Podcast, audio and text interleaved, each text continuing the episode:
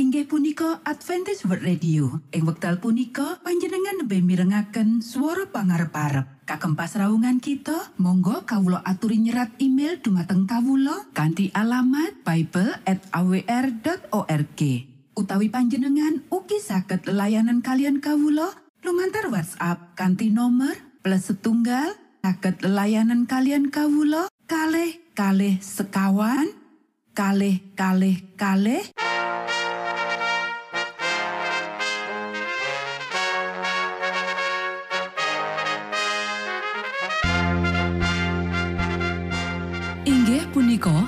Adventist World Radio ingkang giaran kanti basa Jawi.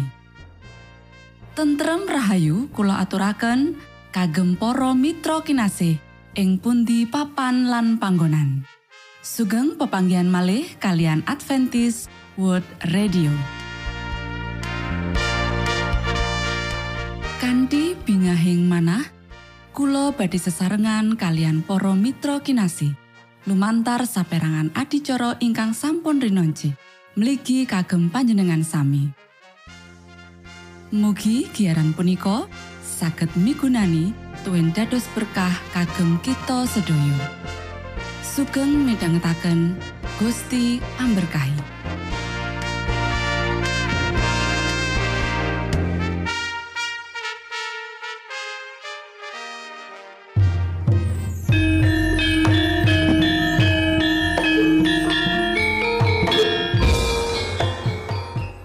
Para pamirsa kinasih ing Gusti Yesus Kristus.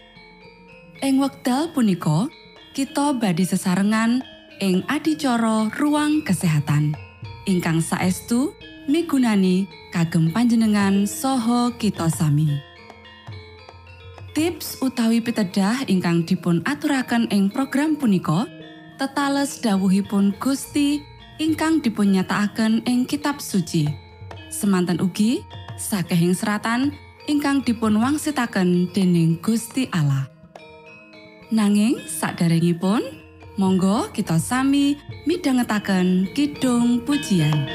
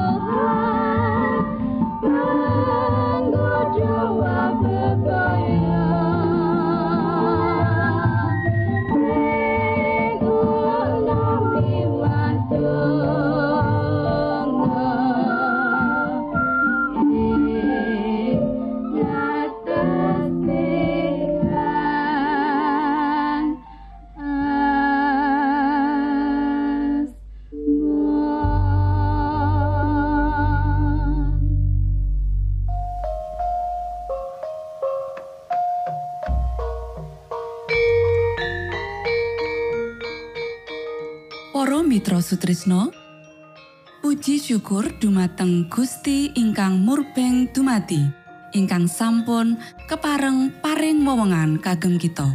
Satemah saged nglajengaken ruang kesehatan. Pirembakan kita semangke kanthi irah-irahan. Sesambungan karo urip sing menang.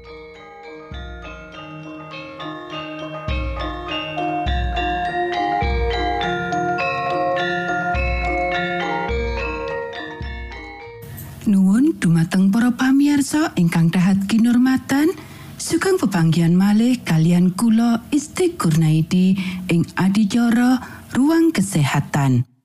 Ing dinten punika kanthi irah-irahan sesambungan karo urip sing menang. Para sedherek ingkang kinasih, mangan, ngombe, lan nyandang kabeh nggawa pengaruh langsung marang kemajuan karohanin kita.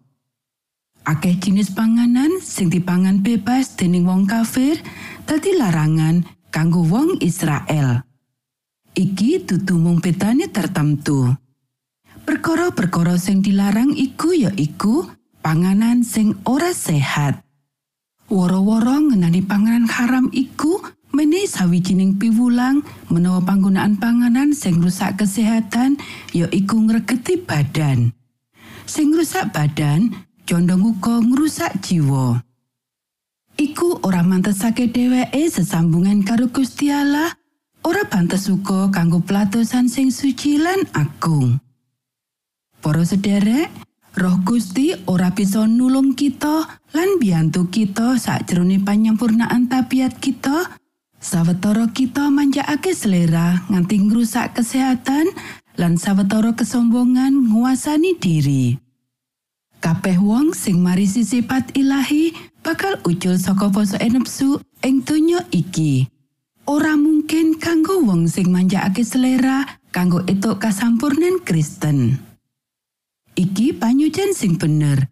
Iku tutumung sawijining teori, sawijining emosi, utawa bentuk tembung-tembung, nanging prinsip sing urip lan aktif mlebu ing urip kita saben dina. Iki nuntut supaya pakulinan kita wektu mangan, ngombe, lan nyandang kabeh nyokong kesehatan badan, mental lan moral supaya kita bisa misungsungake badan marang Gusti tutu bisungsung pakulinan sing salah nanging sawijining bisungsung sing urip suci lan kepareng marang Gusti Allah. Pakulinan kita papanganan lan omben-omben nuduhake opo kita wong donya utawa kagolong wong-wong sing dimiliki Gusti Allah saka donya kanggo kabenerane sing prakosa iku. Sifat ora tarak sakjroning bab mangan iku sing nyebabake ora duwe daya nganti kamulyaning Gusti direbut. Awit amarga gagal nyingkur diri akeh ing antarane titaing Gusti ora bisa nggayu standar karohanen sing dhuwur sing wis ditetepake kanggo dheweke Senajan dheweke ketun lan meratobat, kabeh kelanggengan bakal nyeksekake samu barang sing ilang saka dheweke dening amarga mentingake diri. Para sederek, saipo akeh wong sing kelangan berkaing Gusti Allah sing disimpen kanggo dheweke lan diparingake sakjroning kahanan sehat rohani lan badani. Ana akeh jiwa sing gelut kanggo entuk kamenangan lan berkah khusus nganti dheweke nindakake samu barang perkara sing gedhe. Sakjroning bab iki, dheweke tetep rumangsa kudu gelut ing sakjroning pandonga lan tumete sing iluh. Menawa wong-wong kaya iki goleki Gusti kanthi donga kanggo mangerteni kersaning Gusti Allah, banjur nindakake kersane kanthi sakumolonging ati tanpa pamrih lan pemanjaan diri, dheweke bakal rumangsa tentrem. Kabeh kasangsaran, kabeh kegelutan lan iluh ora bakal nggawa berkah sing diidamake. Diri kudu kabeh dipasrahake. Dheweke kudu nindakake pakaryan sing mesti sambil ngarep-arep kalimpahan sih rahmating Gusti Allah sing wis dijanjekake kanggo kabeh wong sing nyuwun ing sakjroning percaya. Saben wong sing bakal melu aku ngendikane Gusti Yesus marang dheweke. Dheweke kudu nyingkuri dirine, manggul salibe saben dina lan melu aku.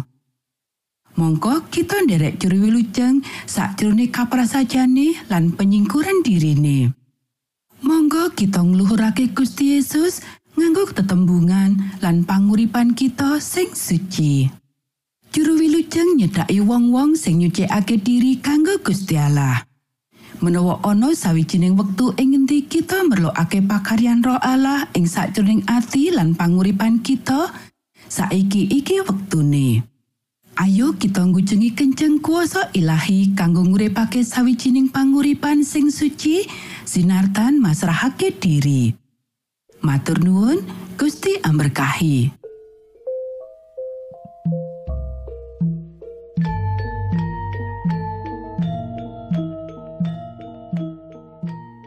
Cekap semanten pimbakan ruang kesehatan ing episode dinten punika. Ugi sampun kuatos jalaran kita badhe pinanggih malih ing episode sak lajengipun.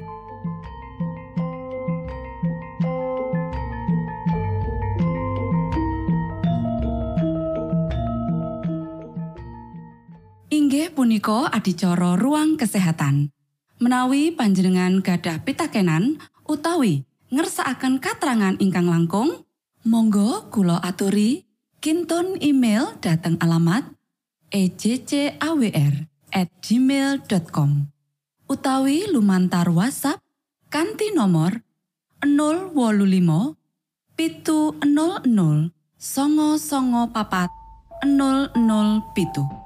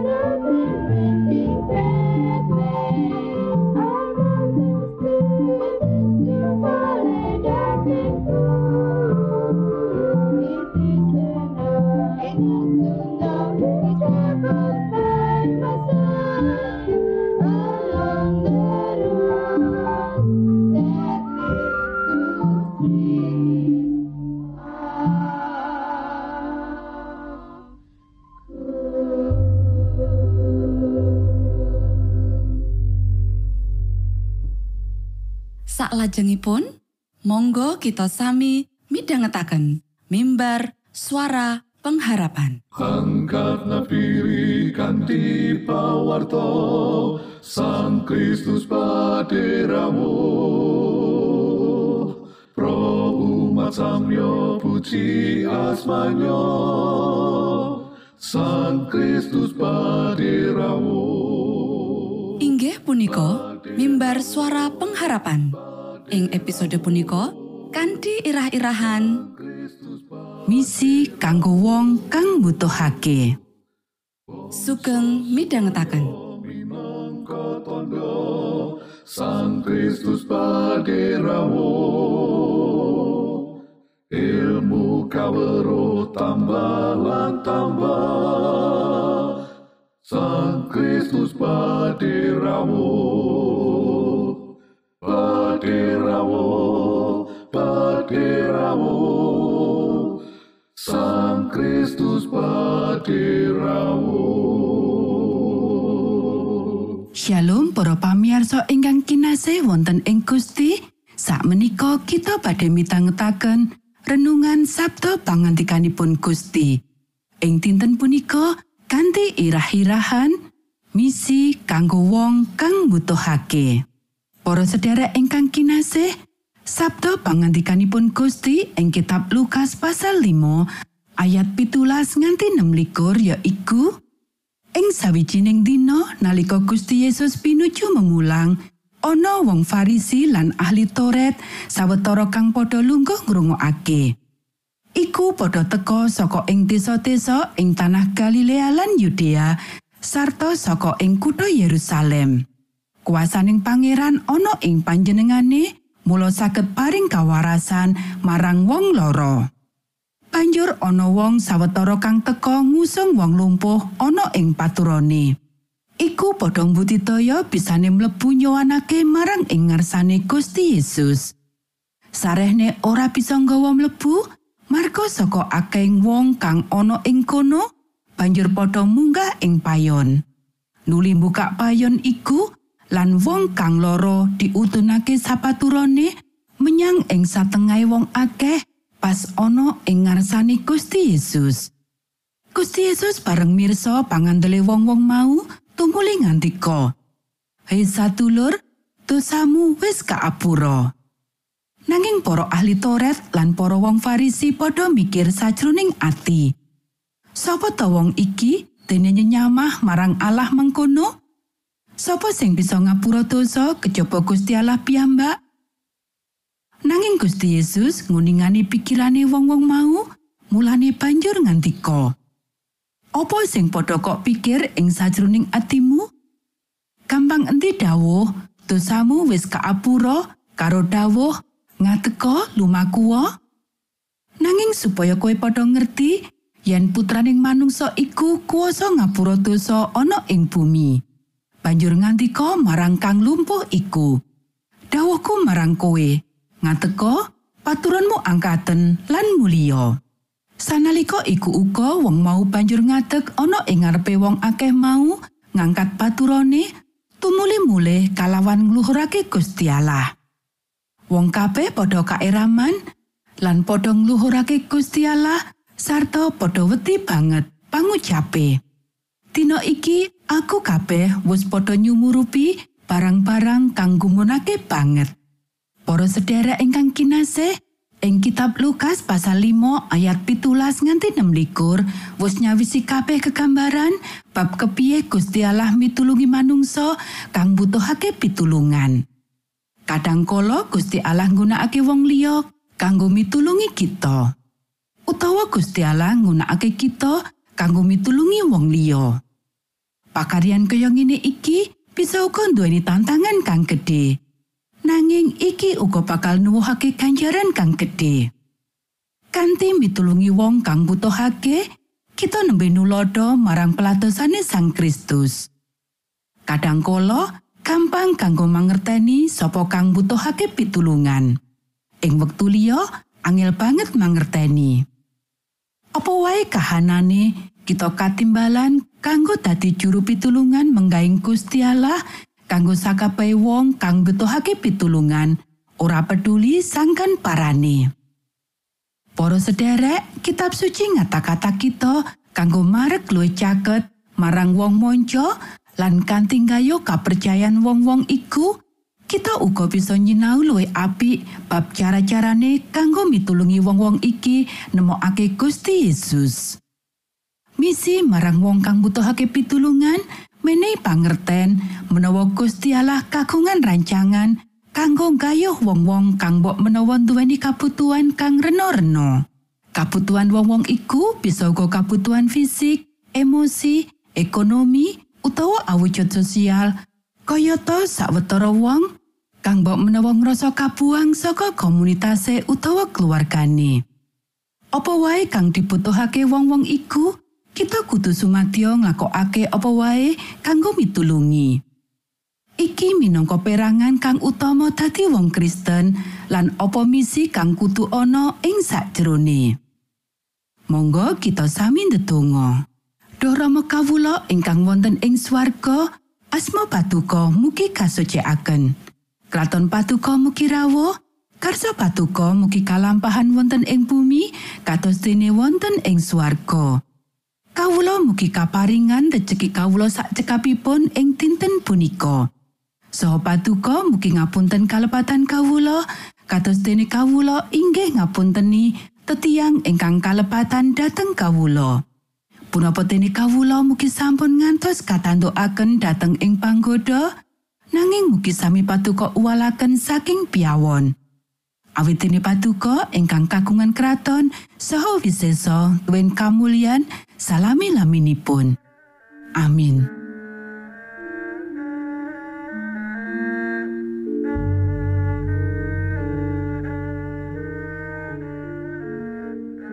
Para Mitra Sutrisno pamiarsa kinasih ing Gusti Yesus Kristus sampun paripurno pasamuan kita ing dinten punika. Menawi panjenengan gadah pitakenan utawi ngersakaken seri pelajaran Alkitab suara nubuatan Monggo Kulo aturi kintun email dateng alamat ejcawr gmail.com utawi lumantar WhatsApp kanti nomor 025 pitu 00 songo songo papat. 00 pitu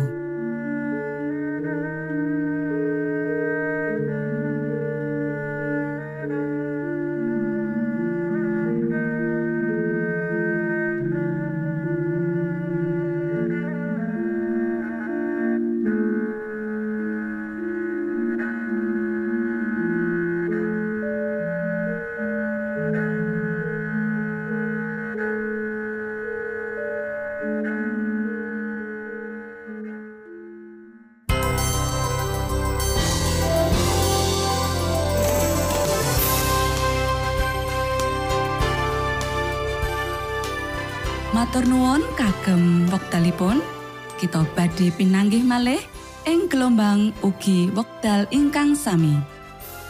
Saking studio kula ngaturaken tentrem rahayu. Gusti amberkahi kita sedaya. Maranata.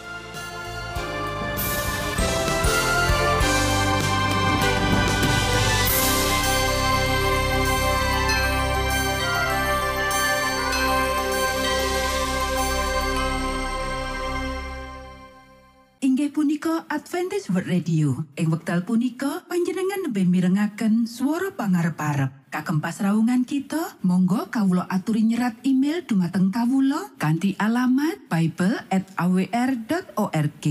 Utawi panjenengan ugi saged layanan kalian kawula lumantar WhatsApp kanthi nomor plus setunggal saged layanan kalian kawula kalih kalih sekawan kalih kalih kalih